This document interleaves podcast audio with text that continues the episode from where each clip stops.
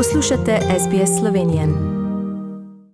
Lepo pozdravljeni, spoštovani rojaki, cenjene rojakinje. Tokrat se vam iz domovine oglašam z rahlo zaskrbljenostjo zaradi ukrajinsko-ruske vojne, ki sploh ni tako daleč stran od Slovenije. V steden, ki je za nami, je bil tudi pri nas v znamenju številnih poročil o poteku ruskih napadov v Ukrajini. Tako je koronavirus postal zadnja vest, ki so jih polnile sicer tudi nekatere dobre, ki so odganjale zimo. Pa poglejmo podrobnosti. Teden, ki je za nami, smo pričeli številnimi sproščenimi ukrepi zoper širjenje nalezljive bolezni COVID-19. Preverjanje pogoja PCT, preboleli, cepljeni, testirani, je postalo trenutna zgodovina, zaradi vse manjšega števila okuženih pa je v državi sproščeno življenje, v katerem so spet dovoljene zabave z druženjem, življenje poteka povsem normalno, le maske v trgovinah in zaprtih prostorih so še obvezne. S ponedeljkom, ki prihaja, bodo slednje postale preteklost tudi za šolsko mladino in otroke, se jih ne bodo več potrebovali. V tednu, ki je za nami, je sicer polovica Slovenije, vzhodni del države, utripa v znamenju zimskih šolskih počitnic. V lepem vremenu so številne družine izkoristile še zadnje priložnosti za ugodno smuko in druge počitniške aktivnosti na snegu ali pa kje drugje. Da se zima počasi poslavlja in nas se bolj mika pomlad, so znaznanili tudi kurenti, ki so po dolgem premoru letos zares lahko družno poplesavali po številnih krajih. Pust je letos sicer precej nepripravljen, saj se še pretekli teden ni natančno vedelo, kako bo z druženjem, ponovno zaživel in zdelo se je že, da se življenje z velikim zamahom vrača v stare tirnice. Žal le za kratek čas, saj so na sredi tedna že pretresle presunljive objave, fotografije in posnetki iz Ukrajine, kjer divja prava vojna.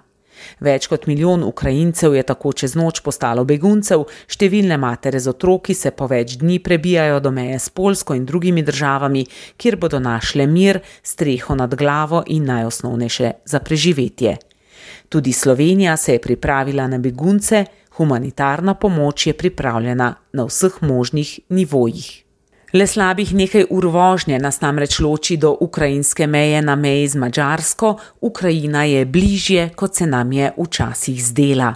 Slovenija ima pripravljene postelje za nekaj sto beguncev, ki bi morda pomoč iskali pri nas ali pa jo gotovo bodo. Nekaj mater z otroki je že prispelo, prav tako so številni slovenci, ki imajo v Ukrajini prijatelje ali sorodnike, le te že pripeljali v Slovenijo. Prav tako humanitarno pomoč v obliki suhe hrane, sanitetnega materijala, odej, plenic, higijenskih pripomočkov in drugega materijala zbirata Karitas in Rdeči križ. Pomoč na ukrajinske meji je pripravljeno nuditi tudi 150 slovenskih zdravnikov.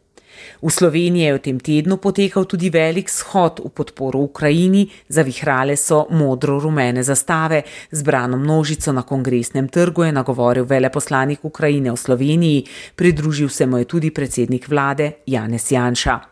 Zaradi vojne, ki povzroča strah, predvsem zaradi jedrskega orožja, ki ga ima Rusija, in zaradi številnih jedrskih elektrarn v Ukrajini, ki bi lahko po nekaterih ugibanjih bile morda cilj napadov, se vznemirjenje širi med prebivalstvom Evrope, tudi v Sloveniji. Zaenkrat, tako strokovnjaki, nam nevarnost jedrske katastrofe ne preti. Se pa vojna v Ukrajini že pozna tudi na gospodarskem področju.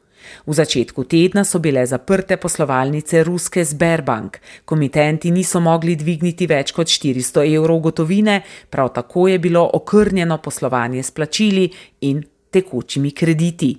Sredi tedna je banko Sberbank v Sloveniji že prevzela nova Ljubljanska banka. Kakšen vpliv bo imela vojna na ostala področja, se zdaj šele ugiba, zagotovo pa bodo posledice daljnosežne. Trenutno pa se učinek vojne že pozna v slovenskem turizmu. Mnogo petičnih gostov iz Rusije namreč v teh dneh že odpovedalo svoje rezervacije počitnic in letovanj v naših zdraviliščih. Predvsem rogaška slatina je znana po številnih ruskih gostih, ki so veljali za ene od boljših. V turizmu zdaj računajo na porast gostov iz sosednjih držav, predvsem italijanov, avstricev in nemcev. Natanko dve leti po največji zdravstveni katastrofi v svetu smo tako čez noč priča bližajoči se humanitarni katastrofi. Ob tem nas navdihujejo le še vesele novice naših kulturnikov in športnikov, ki iz sveta prinašajo številna odličja. Nika Prevc, mlajša sestra bratov Prevc, je tako v tem tednu postala mladinska svetovna prvakinja v smučarskih skokih. Naj bo čim več takih zmag in obene vojne si želimo. Prijazen pozdrav iz Slovenije pa želim vsem vam. Za vas sem tokrat novice pripravila Katarina Valentar. Želite slišati sorodne zgodbe? Prisluhnite jim preko Apple ali Google podcasta, preko aplikacije Spotify ali kjerkoli drugje.